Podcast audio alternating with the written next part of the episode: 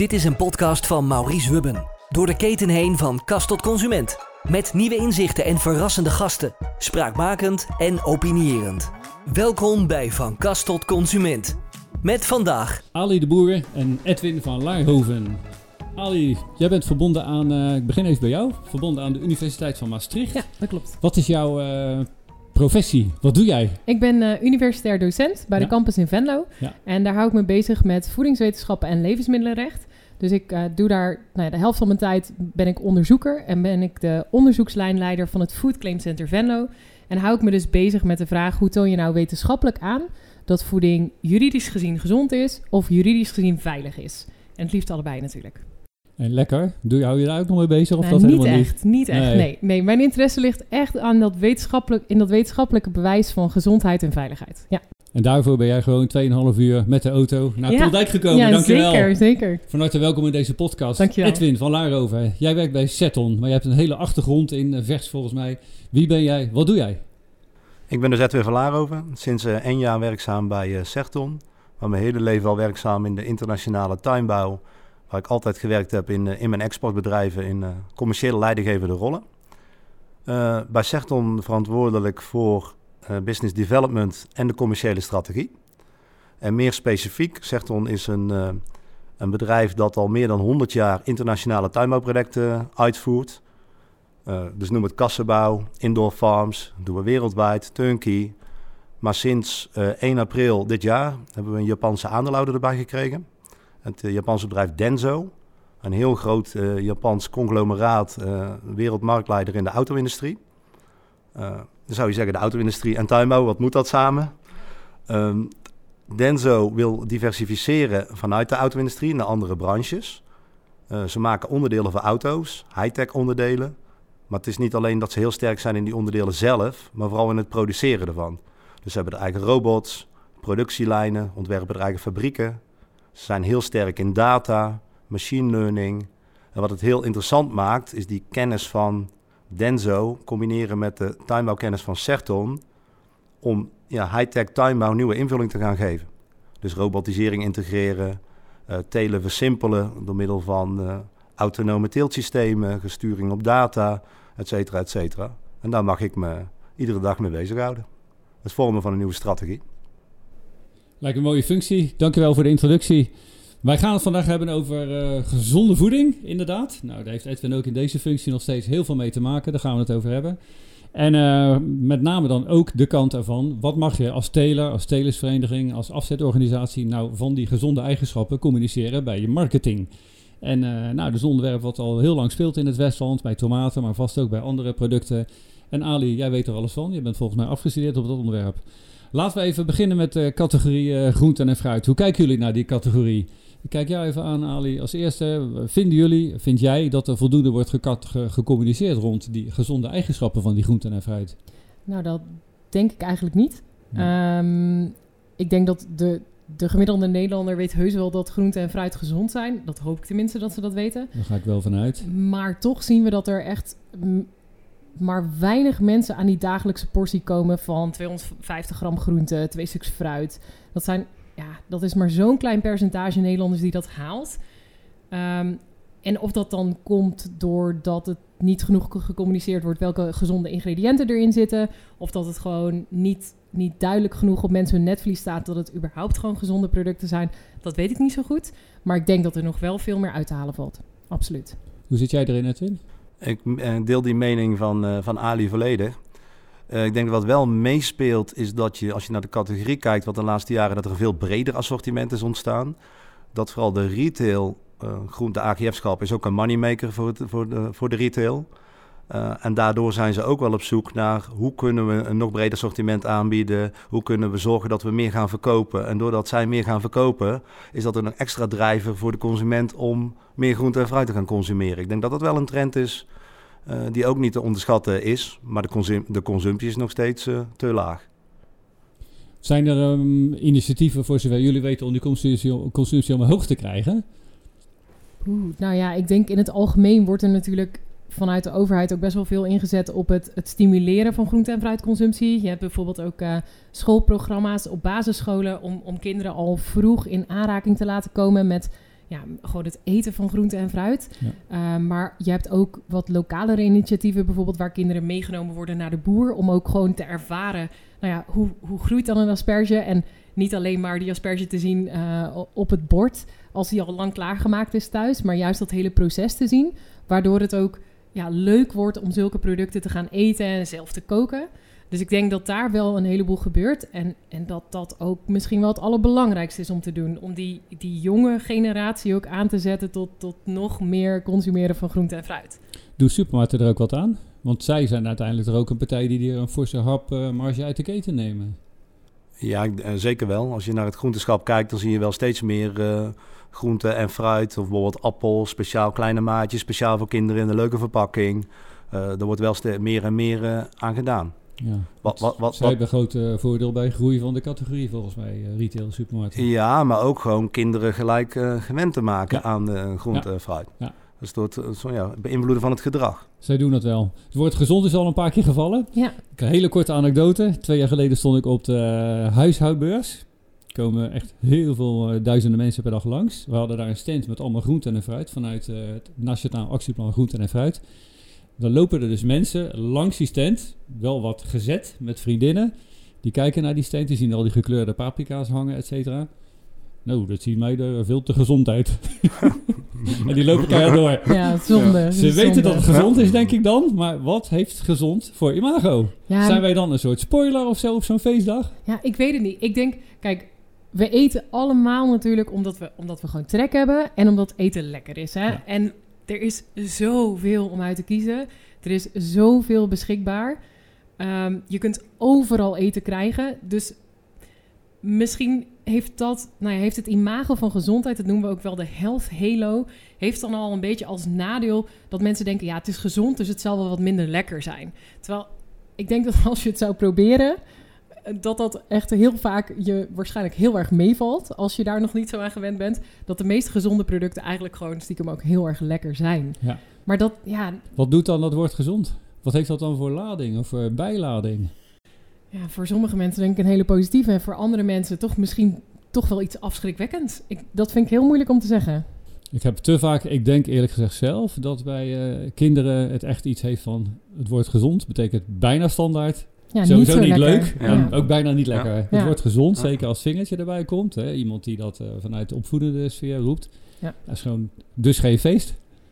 Dat, dat risico loop je denk ik wel. En dat is ook, nou, dat komt uit de psychologie. Ik ben zelf geen psycholoog, maar het is wel iets wat, wat heel erg beïnvloedt hoe mensen dus naar gezond eten kijken. Dat, die health halo die maakt dus vaak al dat mensen denken, nou ja, het is gezond, dus het zal wel iets minder lekker zijn. En dan, dan, vinden, dan beoordelen mensen het ook als minder lekker, hè? Omdat je dat al als mindset hebt. En dat maakt het wel lastig natuurlijk. Het woord gezond is al een paar keer gevallen. Nog één keer. Wanneer is nou eigenlijk iets gezond? Is daar een begin aan aan het eind aan? Een soort uh, domein? Of uh, wat, wat, moet iets wat gezond is uh, brengen? Heb jij daar idee bij, Ali? Ja, dat is wel een hele lastige vraag. We, we definiëren... Nou, maar daar word ik voor ingehuurd, hè? Ja, fijn. nee, het is wel het is een vraag waar ik me ook heel veel mee bezighoud. Dus ik vind het een super interessante vraag. Er is alleen niet een heel kort antwoord op, denk ik. Want je kunt naar gezondheid kijken in de zin van één gezond ingrediënt. En, en dan komen die claims uh, uh, allemaal uh, aan de orde. Van dat, dat er bijvoorbeeld vitamine C in zit. Maar je kunt ook kijken naar een product of dat overal gezond is. Dan kom je Um, bijvoorbeeld bij het idee dat je, um, dat je voedingsprofielen maakt. Nou, de Nutri-score is een voorbeeld van dat je dat zo'n vo voedingsprofiel dan aan de voorkant vertaalt met een, met een labeltje, met een kleurtje. Omdat je dan zegt, nou overal, als we dan kijken naar bijvoorbeeld de, suikers, de vetten, de vezels, uh, wat, wat er maar verder in dit product zit, dan kunnen we er een stempeltje op drukken. Maar bij alles moet je wel in de gaten houden dat je, je eet niet alleen dat ene ingrediënt waar een claim op zit. Je eet niet alleen dat ene product. En je eet niet eens alleen één maaltijd op een dag natuurlijk. Dus je moet het wel allemaal in perspectief bekijken. Dus het is voor mij altijd heel moeilijk om te zeggen... nou, dit is een ultiem gezond product versus dit is een ultiem ongezond product. Omdat je het gewoon heel vaak ook hebt over hoeveel neem je ervan en in welke context. Snap ik. De voedingscentrum heeft het altijd over variëren in ieder geval. Dat was overigens, ik had gisteren een podcastopname met de, de nutritionist van de Jumbo-Visma ploeg. Die begonnen dus ook over, vooral in ieder geval heel gevarieerd eten. Zorg dat je basisvoeding heel erg op orde is. Ja. Daar hoor ik ook een beetje in wat jij eh, zegt. Absoluut. Ehm, wat zijn nu de voorwaarden, even op jouw vakgebied uh, Ali, voorwaarden rond communicatie van de gezonde eigenschappen. Dus als jij nou tomatenteler bent en je wilt iets gaan communiceren rond, uh, even het voorbeeld wat hier in het Westland altijd rondwaait, rond uh, functional food, lycopene in tomaten. Wat moet je daar nou voor doen als producent om te mogen communiceren? Lycopene, er zit in ieder geval zoveel in deze tomaten. En het is goed voor of tegen prostaatkanker. Nou, je zegt eigenlijk al, al twee, je zegt eigenlijk drie dingen in één. En die ga ik even proberen te ontleden, Heel want dat, dat is altijd al heel interessant. Allereerst, aan het, aan het eind van je vraag, zat een link naar prostaatkanker. Nou, voor, voeding, voor de wet mag een voedingsproduct niks genezen, geen symptomen behandelen, want dan ben je automatisch een medicijn. Dus op het moment dat je zegt, eh, hiermee kan ik prostaatkanker genezen, ben je voor de wet een medicijn en moet je ook aan de bewijslast voldoen, nou ja, dat je dus werkt als medicijn. Nou, dat is een stap die je volgens mij met gezonde voeding helemaal niet hoeft te maken. En ook helemaal niet moet willen maken. Want ja, juridisch gezien ben je dan dus medicijn en daar kun je volgens mij prima van wegblijven. Wat wel kan, zijn voedings- en gezondheidsclaims. En die voedingsclaim is puur, dit zit erin. Bijvoorbeeld er zit vitamine C in, of bijvoorbeeld er zit lycopene in. Bij lycopene zit nog wel een maar, maar daar kom ik zo even, even op terug. Ja, gek op Maren. De nuance, hè? Ik had hem beloofd. ja. En als je dan eh, zegt van, nou ja, dit, dit stofje is goed voor je, is gezond, of het, het behoudt je gezondheid, dan is het een gezondheidsclaim. Dus die voedingsclaim gaat puur over het ingrediënt. En die gezondheidsclaim zegt wat dat ingrediënt dan met je lijf doet. Ja. Bij lycopene kun je niet zomaar zeggen, hier zit lycopene in. Want we hebben een aantal vastgestelde voedingsclaims die gemaakt mogen worden. Bijvoorbeeld, het is een bron van vezel, of Ja. het is een bron van vitamine C. Rijk aan vitamine. rijk aan, Dat precies. zijn twee echt gestandaard genormeerde dingen. Absoluut, ja. En daar zitten een aantal eh, ingrediënten, een aantal nutriënten bij, waarvan gezegd wordt: oké, hiervan weten we vanuit de wetenschap al, al jarenlang dat dit gezonde ingrediënten zijn. En die kun je noemen als inhoudstof. En dat zijn dus die voedingsclaims. Als jij een stap verder wil gaan, dan moet je ook ander type bewijs hebben. Dan moet je echt bewijs hebben van oké, het, het doet iets in, in die cascade van gezondheid, van de gezonde, ehm, gezonde functies bijvoorbeeld in je lijf, zoals eh, ehm, je immuunsysteem onderhouden, dat soort zaken. Dan moet je aantonen met eh, gecontroleerde interventiestudies, met humane studies, dat dat ingrediënt dat daadwerkelijk doet. Het lastige dus aan lycopene is, dat het niet op dat lijstje van die voedingsclaims staat. Terwijl er wel heel veel kennis over is, maar dat is niet, ehm, niet op hetzelfde niveau aan kennis als de andere voedingsstoffen waar je wel een voedingsclaim van mag maken. En spraak je dan over kennis binnen Westland, binnen Nederland? Nee, binnen kennis over de hele wereld. Wereldwijd? Ken- wereldwijde wetenschappelijke ik heb kennis. de indruk dat er in Amerika onderzoeken liggen die, eh, die aantonen wat lycopene voor het lichaam kan doen. Die weliswaar in Amerika gebruikt mogen worden, maar in Europa juist helemaal niet. Ja, maar dat komt wel een beetje doordat, doordat we een andere bewijslast vragen binnen Europa versus Amerika versus Japan bijvoorbeeld. Dus die standaarden voor wat, met wat voor bewijs moet je nou aankomen zetten, ja, die verschillen een klein beetje. Ja. Want ook de type communicatie erover is net een beetje anders. Nou, zo, zo is het in dus, dus in Europa heel erg streng geregeld dat je absoluut geen medische claim zal mogen maken. Je mag niet zeggen, nou, dit stofje eh, voorkomt dat jij kanker krijgt. Je mag het wel over één risicofactor hebben. Dus bijvoorbeeld dat een stofje eh, ehm, je cholesterol kan verlagen. En het dan linken aan het risico op hart- en vaatziekten. Maar dat is maar één risicofactor. Ehm, in Amerika mogen er wat, eh, wat sneller claims gemaakt worden op het moment dat je nog geen, ehm, geen heel hard bewijs hebt, maar je wel aanwijzingen hebt. Dus dan krijg je bewoordingen als it may contain dit en dit, of it, may cause that en dat. En dat mag in Nederland gewoon niet. Dat mag in, volgens de Europese wetgeving gewoon niet. Dat, dat onder voorbehoud van waarschijnlijk werkt het zo, maar we weten het nog niet zeker. Die tussenstap hebben we niet. In Amerika wel dus. In Amerika wel, ja. Voor mij geen reden om te verhuizen hoor. Maar het is wel, wel een behoorlijk verschil. Dus ook Ja. komen we meer verschillen tegen, ook rond Ja. de tiltmethode met organic, et cetera, die toch wel eh, wat ruimte eh, in Amerika laten. Even nog een andere korte anekdote. Een paar jaar geleden zat er in alle handen van Albert Heijn een bijlage. eh, Een kleine A5 flyertje waar allerlei groenten werden opgenoemd. En waar ook bij benoemd werd wat zit daarin. Ik meen al vijf jaar geleden. Volgens mij zijn supermarkten als Albert Heijn wel aan het voorsorteren om daarover meer te gaan communiceren. Maar daar zie je toch nog niet zo heel veel van. Ik vind dat het erg langzaam gaat. Ja. Terwijl je eigenlijk een heel veel gedeelte van de, van de extra waarde van die groente en fruit dus niet communiceert. Ja, maar dat komt denk ik ook doordat mensen niet helemaal goed weten wat het, wat het juridisch kader is waar je binnen opereert. En wat dus wel kan en wat niet kan. Ehm, dus op het moment dat jij, dat jij zelf onderzoek hebt gedaan of onderzoek hebt laten doen, ja, wat mag je daar dan over zeggen? Eh, op welke manier kun je dat zeggen? En ik denk dat voor een supermarkt het misschien nog wel lastiger is, omdat die misschien eh, zelf nog iets minder in die productkennis zelf zitten. Waar een teler natuurlijk alles weet van zijn product. Dus dat is denk ik misschien ook wel een stukje het niet zo goed weten hoe je ermee om kunt gaan. En het dus maar niet doen. En dat is denk ik wel een gemiste kans. Denk het ook wel, ja. Wat betreft eh, Albert Heijn van destijds, denk ik dat zij zich gebaseerd hebben in dat foldertje. Ik heb het niet meer, anders had ik het al lang meegenomen. Op eh, informatie van eh, het voedingscentrum. Dat Dus zou kunnen. Albert Heijn kiest natuurlijk kunnen. niet een glibberig pad hiervoor als we communiceren, want dat ligt onder een vergrootglas. Maar ehm, ja, ik, daarna blijft het erg stil op dit vlak. En Dat vind ik echt heel, heel erg jammer, want veel meer toegevoegde waarde rond die producten communiceren. Toegekende waarde heb ik nog veel liever. Zou maar de producten veel waardevoller kunnen maken in ogen van de, koper. Nou, en ik denk daarvoor is één ding het, al, het allerbelangrijkste. Als ik kijk in ieder geval naar die voedings- en gezondheidsclaims. En dat is gewoon kennis van je product. Weten wat je product is, wat erin zit en wat dat eventueel kan doen. En dan ja, eventueel zelf verder onderzoek doen. Maar in ieder geval die basis moet je op orde hebben. Niet alleen maar een gevoel, niet alleen maar een anekdote van iemand die zegt: Oh, dit heeft me echt onwijs geholpen bij dat en dat. Nee, echt zeker weten, meetbare resultaten hebben. Dat is heel Zeker weten door zuiver meten. We gaan even naar een eh, bumper en eh, straks over naar het volgende onderwerp. Dit is een podcast van Maurice Hubben. Door de keten heen van kast tot consument. Over gezonde voeding. Daar kunnen we eh, dagen over praten met z'n drieën. Zeker. We gaan even naar het bedrijf van eh, Edwin. Eh, jullie produceren een methode, vertical farming. Je kan het zelf veel beter uitleggen waarin we op termijn allemaal met klimaatomstandigheden die veel beter beheersbaar zijn.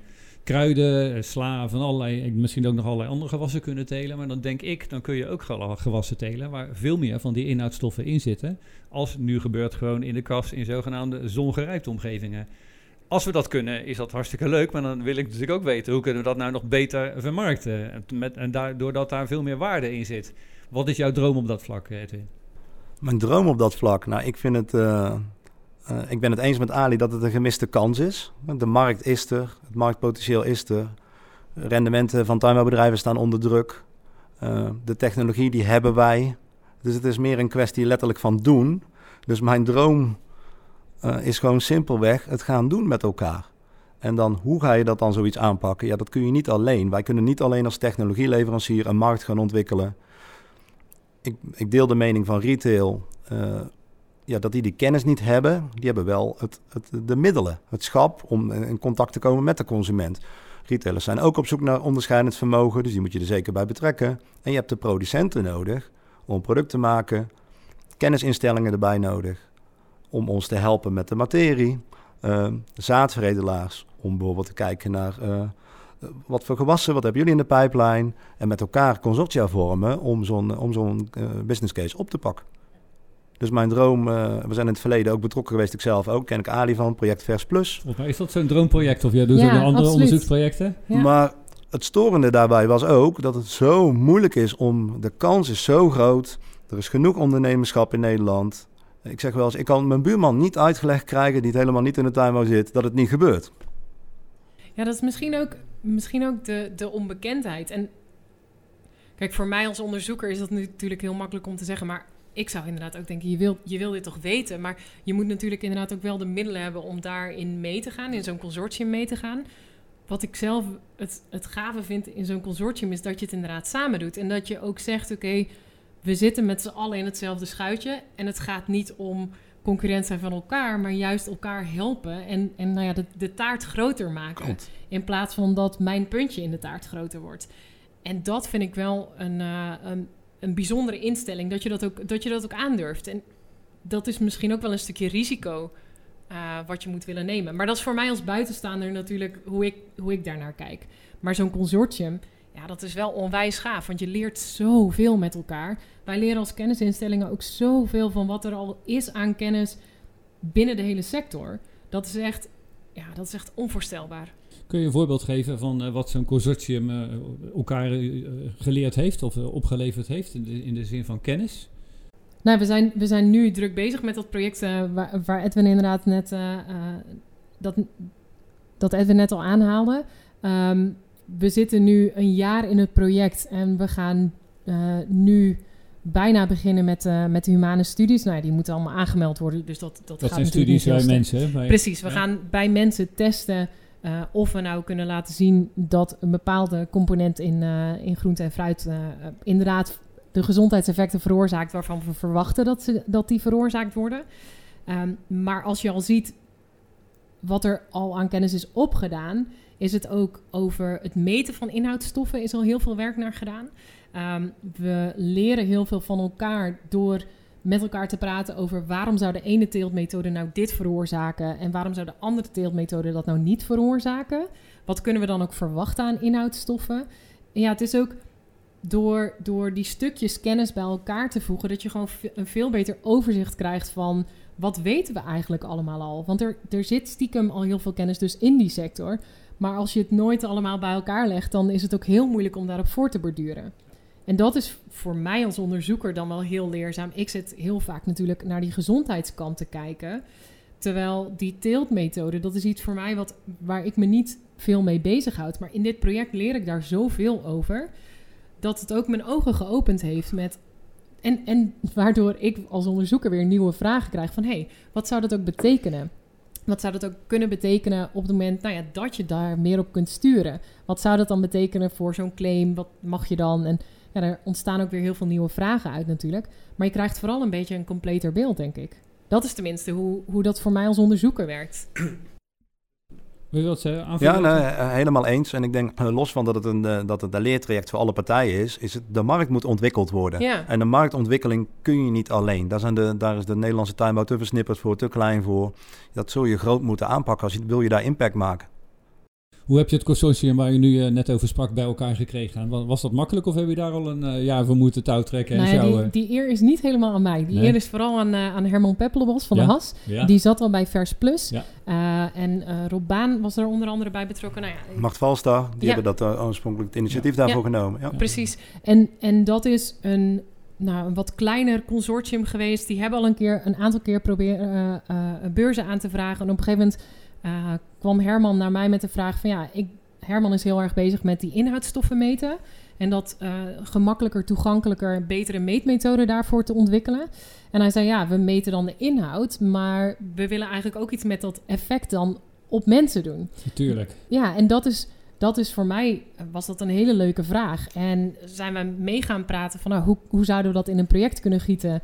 Uh, wie kunnen we daarbij vragen? En nou, dat is, dat is een flinke lange procedure geweest. Ik denk anderhalf jaar ja, of zo. Kan zomaar, ja. Um, en dat, dat is echt een uitdaging geweest om iedereen aan tafel te krijgen. Maar het is ook een heel inspirerend consortium. En ja, toen we die beurs kregen, dat was denk ik voor je, of die, die subsidie kregen, dat was voor iedereen echt wel nou ja, al bijna een kers op de taart, terwijl we nog moesten beginnen natuurlijk. Maar en iedereen had al komt uh, waar vandaan? Wie verstrekt die de subsidie? topsector. Uh, ja. Dat is volgens mij van het ministerie van Economische Zaken. Ja, denk uit. ik ook. Ja. Uh, ja, de topsectoren, agro en food, die, of de tuinbouw en uitgangsmaterialen moet ik zeggen. De, die topsector financiert dit. Ik snap die vraag heel goed en dat je dat onderzoekt. Uh, ik heb zelf een tijdje bij dat project meegemaakt, uh, meegelopen. En uh, als je meer naar detail gaat, wordt het toch wel weer barstige materie. Want bijvoorbeeld als je, we hadden het net even over lycopene in tomaten. Dat is iets wat hier in de regio heel erg speelde.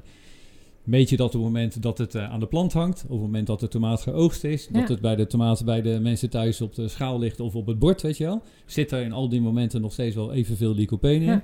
Dat is één. In de tweede plaats, de lycopene werkt misschien bij jou, Edwin, wel heel anders in de opname in je lichaam en je darmen dan- bij mij. Of misschien helemaal niet, of misschien kan ik er niet tegen. Dus er zitten zoveel nog dimensies aan. Ja. Je bent nog niet helemaal uitonderzocht. Eh, eh. zeker niet. Ik denk Ali? dat ik me nog wel even kan vermaken. ja, dat denk ja, ik wel. It's just the beginning. Precies. Ja, ja. maar daar, daar ligt toch wel de toekomst. Dat we echt veel meer weten van die inhoudstoffen. eh, wat, er, wat erin zit, maar wat het doet. Nou, en daarom, eh, dat is voor mij als onderzoeker dus ook zo leuk in dit project, dat je ook veel meer bezig bent met die inhoud, me- inhoudsmetingen. Dat je dat ook veel toegankelijker maakt.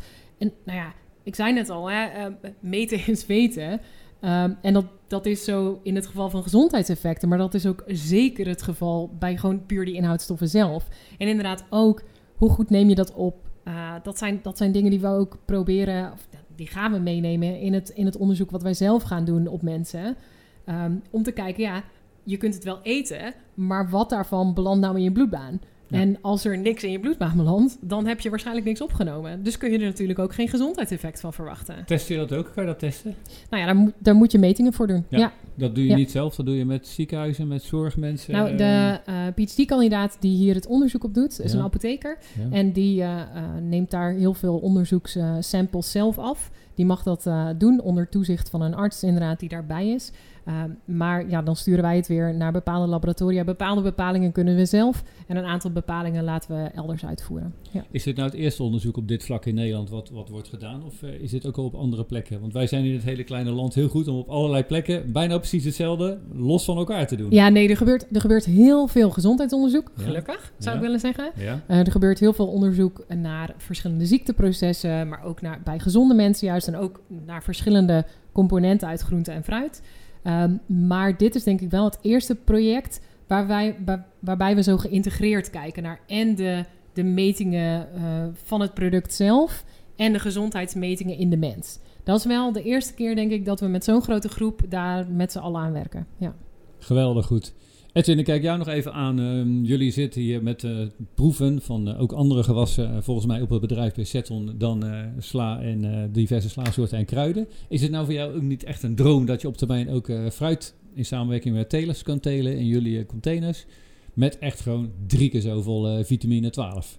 Wat de minister-president uh, bij de volgende COVID-crisis uh, zegt: jongens, eet die, uh, eet die fruitsoorten, want dat is echt ontzettend goed voor je weerstand. En dat is ook gewoon aantoonbaar. Dat is toch gewoon een droom.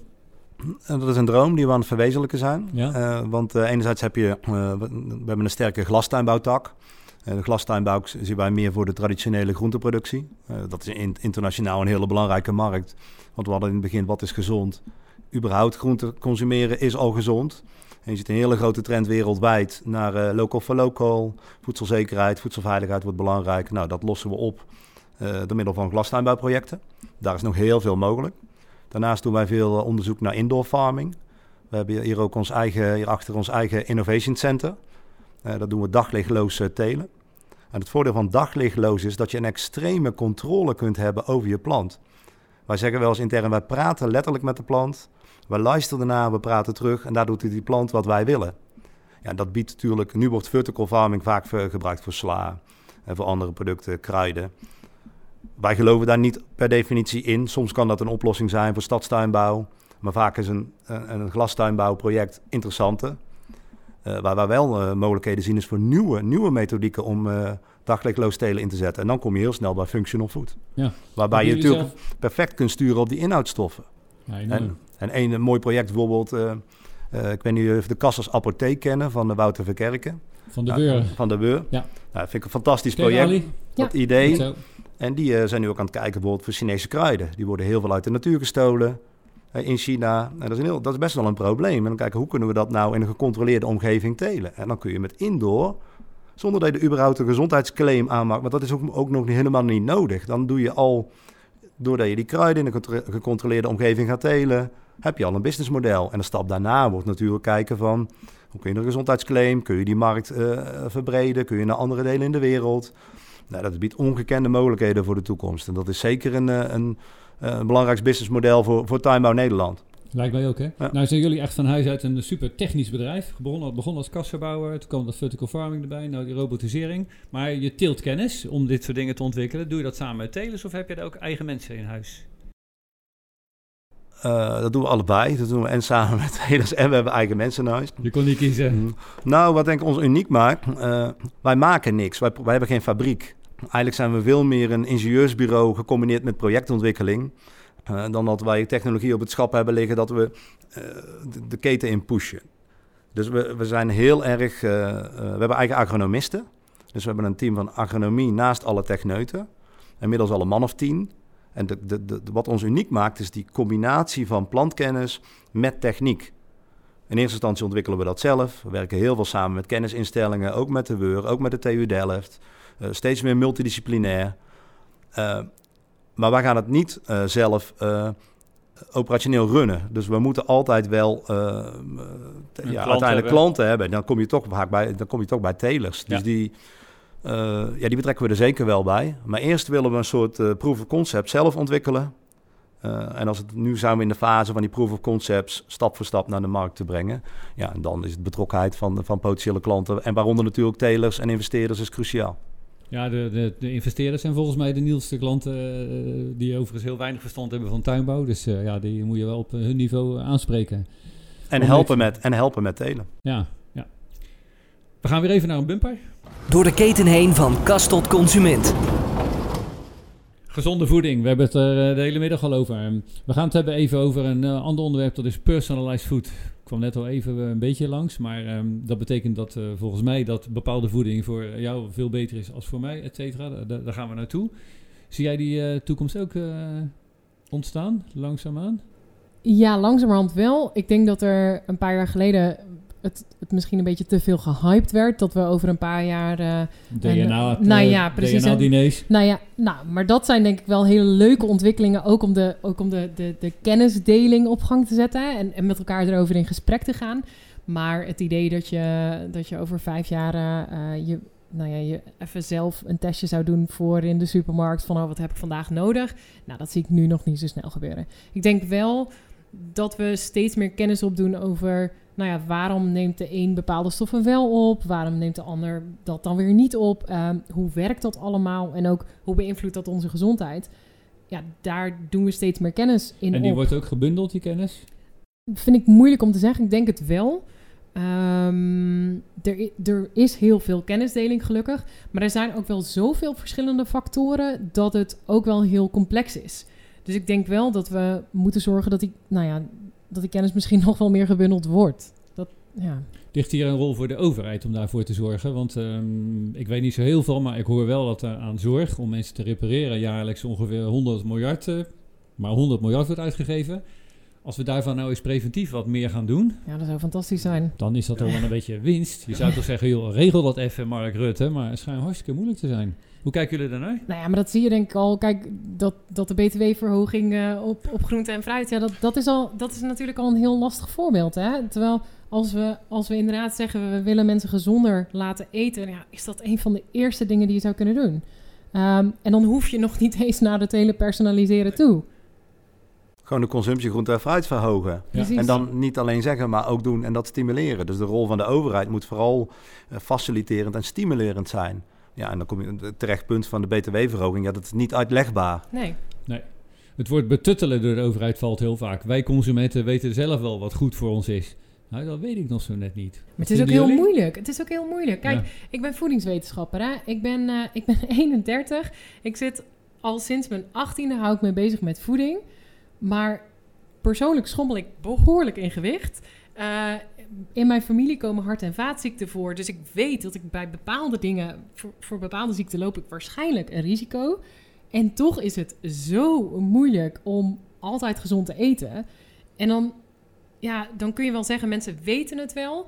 Maar als je dan kijkt wat er allemaal beschikbaar is en hoe moeilijk het is om, nou ja, stel dat je, dat je uh, toen ik, toen ik student was, dan reisde ik vaak op vrijdagavond richting mijn ouders. En dan loop je door van die stations en daar is overal eten en overal ruikt, ruikt het lekker. Blijf dan maar eens overal vanaf. Hoe, hoe maak je mensen daar, ja, ja, hoe stel je mensen daartoe in staat? Dat is gewoon heel moeilijk. Maar gezond, wat ook nog wel eens... Uh, gezond is ook vaak iets heel, wordt heel rationeel benaderd. Maar het is ook iets psychisch. Welbehagen is ook belangrijk. Dus als het waard wordt het zo technisch, zo rationeel benaderd, ja, dan, dan, maar zo zijn mensen niet. Dan zit je misschien wel, leef je misschien wel gezond, maar zit je slechter hier wel letterlijk. En dat klopt ook niet. Dus het is de, volgens mij de combinatie van mij van het psychische deel en, het, en het functionele deel, dat wel eens onderschat wordt. Wat, wat je terecht zet over stations, mijn, mijn uh, vriendin is een... Uh, vorig jaar in het ziekenhuis beland. En uh, het is wel goed gekomen hoor. Maar wat mij opviel, daar nooit bij stilgestaan. Gewoon de, de catering of de, hoe zeg ik dat in het ziekenhuis, gewoon beneden. Gewoon, dat lijkt wel een soort cafetaria. Lijkt wel of je. Mm. helemaal, kon je helemaal niks gezonds vinden. En dat denk ik wel van. Ja, het lijkt wel een business case die zichzelf in stand wil houden in zo'n ziekenhuis. Maar ja. dat mag je dan niet vinden. Maar ik denk, dat, daar zou de overheid natuurlijk best wel een rol kunnen hebben. Gewoon door wat meer sturend op te treden. Nou, je ziet er denk ik al hele goede initiatieven in verschillende ja. ziekenhuizen. Er zijn ook veel meer, nou ja, bijna gepersonaliseerde programma's. En niet per se op basis van wat je volgens je DNA zou moeten eten. Maar juist ook alleen al uh, dat je zelf meer kunt kiezen van ook wat je lekker vindt. Omdat we weten dat mensen dan ook beter eten. Ja. En, en je ziet een aantal bedrijven die daar wel echt in springen om, om die catering echt naar een ander niveau ja. uh, te tillen. En ja, dat verschrikkelijk belangrijk. Ja, absoluut. absoluut. Mensen vinden af en toe geld namelijk ook heel belangrijk, hoor ik in dit land. En uh, als mensen die in het ziekenhuis liggen, zoals jouw vriendin, gezonder eten, ze, kunnen ze volgens mij ook sneller het ziekenhuis verlaten. Dat gaat volgens mij ook over geld. De rekensommen daar ben ik niet zo goed in, maar ik, ik zou denken, daar ja. is toch veel meer te halen of te brengen. Tuurlijk. Zeker als daar iets meer sturing is. Ja. En er zijn zeker goede voorbeelden van. Het ziekenhuis de Gelderse Vallei, zo zijn er nog een paar. Precies. Nou, die trend dat, is wel uh, ingezet, denk ik. Ja, dat ja. ik. Ja. maar de, het, het kan inderdaad niet zo zijn dat we nu denken, ja, de, het gaat al wel. De trend is al ingezet, dus we hoeven niks meer te doen. Ik denk wel dat je er heel erg bewust van moet blijven dat daar echt nog wel wat te winnen valt. Ja. En dat is niet alleen op het gebied van ziekenhuis, maar ja, die preventie die jij al noemde, maar die, is, die kan veel breder, denk ik. Aan alle kanten. Ja. Aan alle kanten. We gaan even naar een heel ander uh, bedrijf wat ook vaak in onze sector wordt genoemd. Dat heet Unilever. En uh, iedereen vindt daar wat van. Die hebben een product dat heet B-cell. Er zit omega-3 in. En je ziet gewoon in alle communicatie daar keihard uh, goed voor hart- en bloedvaten. Wat heeft jouw bedrijf daar nou, ik denk jij dat wel weet Ali, voor moeten doen om die claim te mogen leggen? Wat hebben ze moeten onderzoeken en wat heeft dat geintje gekost? Ja, die hebben heel veel gedaan, dat kan ik je vertellen. Uh, wat, het, wat het stofje is wat, waar, waar ze eigenlijk die claim op maken is niet per se omega-3, maar zijn de plantsterolen in de margarine. En die plantsterolen, daarvan hebben ze eerst moeten aantonen dat het veilig is. Nou, dat is een heel ander juridisch traject, daar gaan we het nu niet over hebben. Maar nadat ze aangetoond had, hadden dat het inderdaad veilig is voor consumptie, um, hebben ze onderzoek moeten doen naar, oké, wat is nou dat gezondheidseffect? Nou, daar hadden ze natuurlijk aanwijzingen voor van wat, wat doet dit in je lijf? En wat daar dan hele lastige keuzes in zijn, is dat je eindpunten moet hebben in een proces van gezondheid. En, en dat klinkt misschien een beetje technisch, is het eigenlijk ook. Maar dat komt erop neer dat jij ergens in die mens moet gaan meten. En dat noemen we een biomarker. Een biomarker moet vinden die voorspelt: ben je nou, word je nou gezonder hiervan? Of word je minder gezond? Of kun je dat minder gezond worden dan, dan een beetje stoppen, dan een beetje afremmen? Nou, wat Unilever heeft gedaan, is die hebben heel veel uh, ingezet op het LDL-cholesterol-metabolisme. En we weten dat LDL-cholesterol uh, als dat verhoogd is, loop je meer risico op hart- en vaatziekten. En dat is wel een marker van, nou ja, van dus gezondheid behouden als je die LDL-cholesterol wat lager kunt krijgen. Dus zij hebben heel veel onderzoek gedaan naar van, nou, wat is nou het effect van die plantsterolen op die LDL-cholesterol. Hebben ze bij verschillende groepen mensen aan moeten tonen dat het inderdaad werkt. Want ja, je kunt wel de theorie hebben, het kan in celletjes werken, het kan in dieren werken, maar uiteindelijk moet het in mensen werken.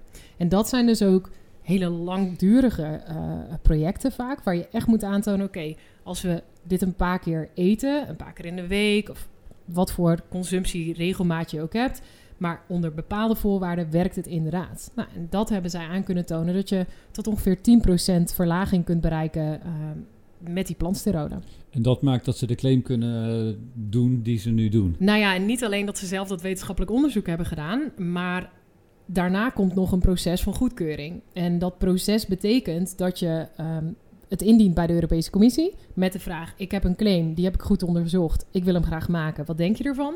De Europese Commissie vraagt vervolgens onafhankelijke wetenschappers bij de Europese Voedselveiligheidsautoriteit om daar naar te kijken. Als zij een positief oordeel geven, en dat hangt heel veel samen met is alle expertise die er op de wereld is, is die ingezet. Dus heb je niet een beetje selectief uh, bepaalde publicaties meegenomen, bepaalde studies wel geselecteerd, bepaalde niet, want dat is natuurlijk niet de bedoeling. Maar dat je echt een heel compleet dossier hebt. Nou, als die experts zeggen, wij, wij snappen waarom, waarom dit gezegd wordt en we zien dat het goed bestudeerd is, dus wij kunnen ons erin vinden, dan kan de Europese Commissie besluiten om inderdaad die, uh, die claim toe te staan. En dat is dus gedaan? Ja. En dat betekent dat die claim geldt voor heel Europa? Ja. ja. En kan Unilever dat dan ook patenteren? Of, nee. Uh... nee, dat is een van de lastige dingen. Voeding kun je heel weinig patenteren. Ja. Um, dus wat je wel kan doen, is als je zulk soort onderzoek doet, dat je het nog niet allemaal publiceert en dat je het dan een paar jaar voor jezelf kunt houden. Ja, zodat je die voorsprong houdt. Ja. Precies, dus dat je echt inderdaad uh, uh, een competitive advantage hebt door, door hoe snel je de markt op kan. Maar in principe, zeker na vijf jaar, vijf jaar nadat de claim goedgekeurd is, goedgekeurd is kun, je alles, kun je alle data inzien. Ja. Helder verhaal. Um, Zo'n Unilever, nog even kort daarop terugkomen. Voeren ze dat onderzoek allemaal zelf uit? Of zijn er weer bedrijven die je daarvoor moet inhuren om dat allemaal namens jou te doen, die daar toch echt veel beter in zijn? Nou ja, je mag niet zomaar uh, uh, alleen maar studies doen uh, in huis, zeg maar. Dus je mag niet alles zelf bestuderen, want dan wordt er ook wel een beetje kritisch gekeken naar die onafhankelijkheid. Dus je moet sowieso twee onafhankelijke onderzoeksgroepen dezelfde studie ongeveer uit laten voeren. Dus er komt altijd een tweede partij bij kijken. Um, en dat zorgt er ook wel voor ja, dat je allemaal heel kritisch op elkaar blijft en inderdaad kritisch met elkaar meekijkt. Dus je hebt altijd anderen nodig, altijd andere onderzoeksinstituten vaak nodig om, om zo'n dossier op te bouwen. Ja. Stopt niet bij een paar miljoenen, denk ik dan. Nou, dat hangt heel erg af van de kennis die er al is. Want er wordt er is ook, ook voor deze wet er was, is er al zoveel kennis opgedaan. Dus het is ook wel heel belangrijk om eerst eens te kijken naar, oké, welke wetenschappelijke kennis ligt er allemaal al? En dan kan het, ja, het, het kost enkele tonnen. Dat zeker. Jij doet zelf ook boodschappen, veronderstel ik, Ali. Zeker. Uh, jij kent dit hele verhaal erachter. Is uh, voor jou zo'n claim rond uh, omega-3 bij BCL wel gewoon een aanschafplus? Nou ja, dat, dat komt ook weer een beetje door mijn achtergrond hart- en vaatziekte in de familie. Ja. Dat, nou ja, uh, dat je daar wel net iets geïnteresseerder in bent. Ja. Uh, ja, absoluut. En dan mag het ook wel misschien iets meer kosten. Nou ja, ik ben wel bereid om daar iets meer voor te betalen. Ik kan het ook betalen, dat scheelt natuurlijk ook. Maar ik zie voor mezelf ook de meerwaarde. En dat betekent wel, dat is voor mij wel belangrijk, dat ik voor mezelf inderdaad die meerwaarde zie. Niet dat ik altijd dat product koop, maar ik snap wel waarom mensen dat doen. Doe jij de boodschappen, Ed De boodschappen. Ik doe wel eens boodschappen, ja. Kijk jij naar zo'n omega-3 als consument? Uh, ik koop vooral wat ik lekker vind. Ja. Um, vind je het lekker? En ik ben wel uit de categorie, uh, nee, niet per de definitie. Uh, ik ben wel uit de categorie dat gezond ook lekker kan zijn. En daar proberen we wel meer bewust mee om te gaan. Ja, dat niet per definitie gezond, die associatie met niet lekker is. Dat is daar zijn we wel ben ik wel bewust mee bezig. Oké. Okay.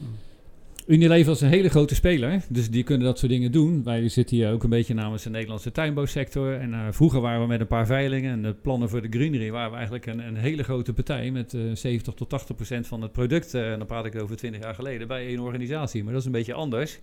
Vandaag de dag kan je op ongeveer 34 telefoonnummers gele paprika's kopen.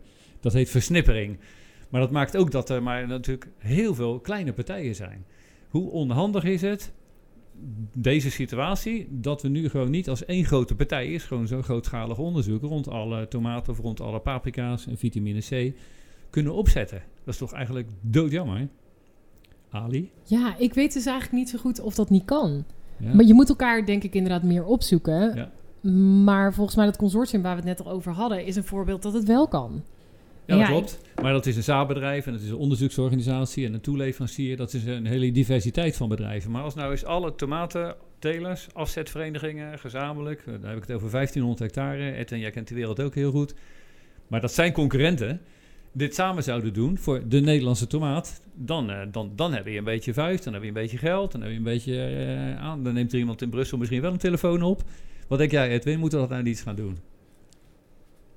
Paprika's vitamine C vind ik ook goed hoor. Ik ben denk iets minder nationalistisch. Ja. Het hoeft niet per definitie altijd allemaal in Nederland te gebeuren. Ik geloof ja. veel meer in, uh, als je naar bijvoorbeeld tomaten kijkt, er zijn een paar uh, grote telersverenigingen. Die hebben denk ik, denk dat uh, vier of vijf, die hebben denk ik 90% van de, van de markt in Nederland en de export om ons heen. Dat, maar daarbinnen zie je wel verschillende culturen. Ik denk dat dat goed is. Want als je alles onder, net vroeger in de gemene delen, dan heb je niks. Dan heb je geen cultuur meer. Of dan heb je wel een cultuur, maar niet per definitie die cultuur die je wil. Als je nu naar bijvoorbeeld partijen kijkt als een Prominent of een Harvest House. Die zijn echt wel ondernemend, die internationaliseren meer. Die kijken echt naar nieuwe verdienmodellen. Ja, als bijvoorbeeld zo'n partij, uh, noem pak een Prominent. Nu is dat samen gaat onderzoeken met een soortgelijke partij in Amerika. En een soortgelijke partij in Azië. En die zijn er gewoon. En die doen samen zo'n onderzoek. Volgens mij heeft dat veel, is dat veel kansrijker dan, gaan, dan idealistisch denken... we gaan alles met Nederland met elkaar samen doen. Daar geloof ik niet zo in. Wel een verstandig. Ik snap hem goed. Ik had hem niet aanzien komen, maar uh, dat neemt al een heel stuk commerciële spanning die je anders zou hebben binnen die Nederlandse telesgroepen, neemt weg. Dan ja, gaan we dat er eens organiseren. En aan de andere kant uh, zijn er nog steeds wel overkoepelende organen. Bijvoorbeeld Groente- en Fruithuis. Nou, daar zit het gros van de Nederlandse telesverenigingen bij aangesloten. Dus ik weet niet wat daar dan besproken wordt, maar uh, het verdienmodel van de Nederlandse tuinbouw is best wel een ding. Hè. Commodities, uh, de schaalvergroting zet enorm door. Ik zeg altijd, er kan maar één iemand de goedkoopste zijn. Uh, en dat zie je ook gebeuren nu. En er zijn natuurlijk heel veel telers nog met relatief kleinere teeltbedrijven... Ja, die best wel letterlijk aan de markt overgeleverd zijn... omdat ze toch in dat commodity segment zitten...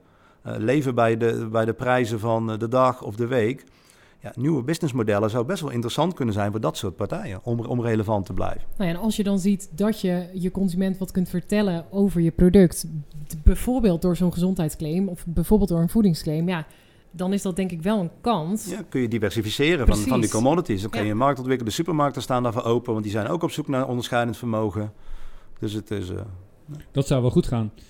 We hadden het net al even kort, Ali, over uh, een bron van. Of uh, even kijken. Dat, rijk dat, aan. Dat, precies, rijk aan. Dat zijn twee dingen die zijn volgens mij helemaal gedefinieerd. En die zie je wel steeds meer terug op verpakkingen. In ieder geval van supermarkten. Dus dat, wordt nu wel gedaan. Wat moet je daar nou voor doen? Uh, hoe, hoe, zit dat technisch in elkaar dat je dat erop mag zetten of niet? Heel goed weten wat erin zit. Ja, daar, daar, komt het toch weer op neer. Ja, je moet, je, dat, dat is dus een voedingsclaim. Omdat dat gewoon iets over, de, over ja, een positieve eigenschap staat er dan in de wet uh, gaat.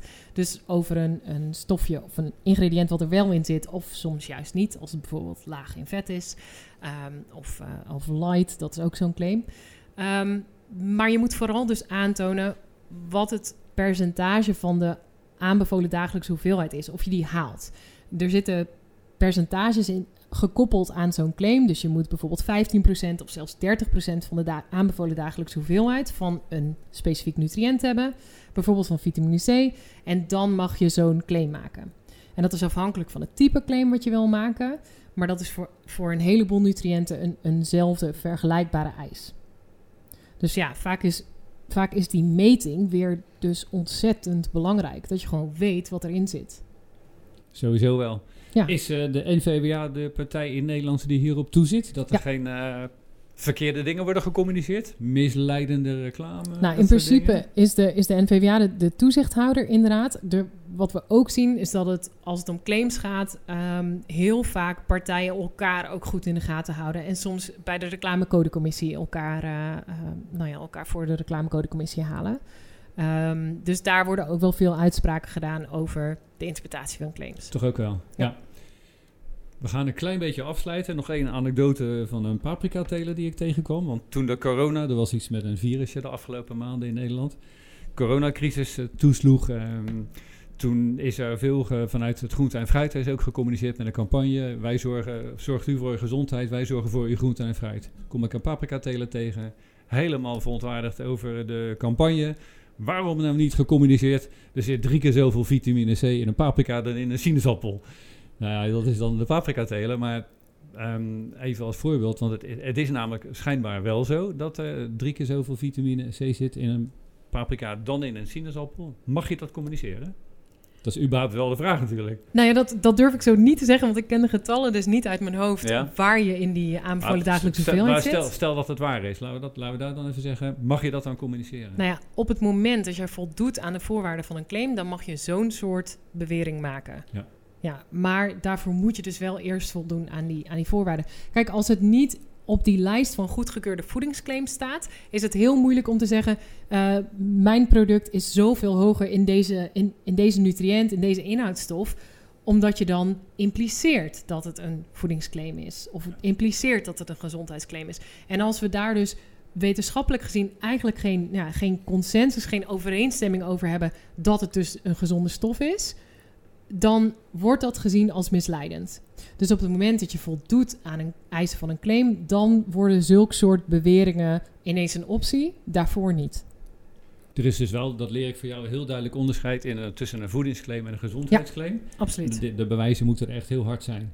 En ik, ik, denk zelf dan nog van, joh, geldt dat voor de groene, de gele, de oranje nou of ja, de rode precies. paprika? Ja. En uh, net na het plukken of uh, na twee weken in de schappen. Zitten dan die vitamines dan nog steeds in? En is dat, is dat dan nog steeds vergelijkbaar met die sinaasappel? Dat is natuurlijk allemaal een beetje rekbaar.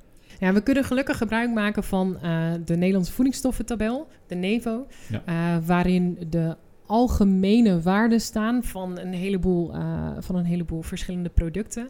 Het enige nadeel daarvan is, ja, daar staat dus de algemene groene paprika in, de algemene gele paprika, de algemene rode paprika. En die lijst is volgens mij al uh, 30, 40 jaar oud. Nou ja, en het is, heel, het is, een, het is een steekproef geweest. Dus in sommige gevallen denk ik wel eens, ja, zeker als, als jij als veredelaar bijvoorbeeld of als teler ergens op uh, specifiek op, uh, op, op doorteelt, of ja, die veredeling op inzet. En dan kun je soms wel afvragen of jouw product niet net iets hoger zit of net, andere, net een andere voedingswaarde levert. Kan ik me voorstellen. We zijn uh, een beetje aan het eind van deze podcast van Kast tot Consument, uh, waarvan ik weer zeker weer merk, dit is superleuk om te doen. Um, Ali, Edwin, hebben jullie nog een afsluitende kreet, advies aan uh, de luisteraars van deze podcast of een uh, hartekreet? Nou, wat ik denk wel wat ik denk een paar keer benoemd hebben. Ik denk dat de, de, de markt is er, de techniek is er ook, de wil is er denk ik ook. De kunst is partijen bij elkaar brengen en met, met elkaar aan de slag. Dus Want ik kom is graag... echt, het is toch echt de toekomst, hè? Gewoon die voedingsinhoudstoffen Ja. uh, veel ja, beter benoemen. Maar het is een toekomst die veel dichterbij is dan veel Precies. mensen denken. Ja, ja. En anders, anders, toekomst, dan, anders, anders dan blijft de toekomst. En daar hebben we er niet zoveel aan. We moeten de toekomst naar vandaag halen. Aan de slag, samen oppakken. Ja. Eigenlijk Ja. wat jij in de consortia aan het doen bent, Ali. Ja, en, en gezond is gewoon heel lekker. Gezond Ja. is toch heel Ja. lekker, hè? Nou, zoals jij het zegt, dan is het, uh, klinkt het heel goed. Dank jullie wel voor je aansluiten vandaag uh, hier aan deze tafel bij de podcast. Dank voor je komst uh, uit Venlo. Dank je. Ali, Edwin, dankjewel voor de gastvrijheid. Fijne dag nog. Dit is een podcast van Maurice Hubben. Door de keten heen van kast tot consument.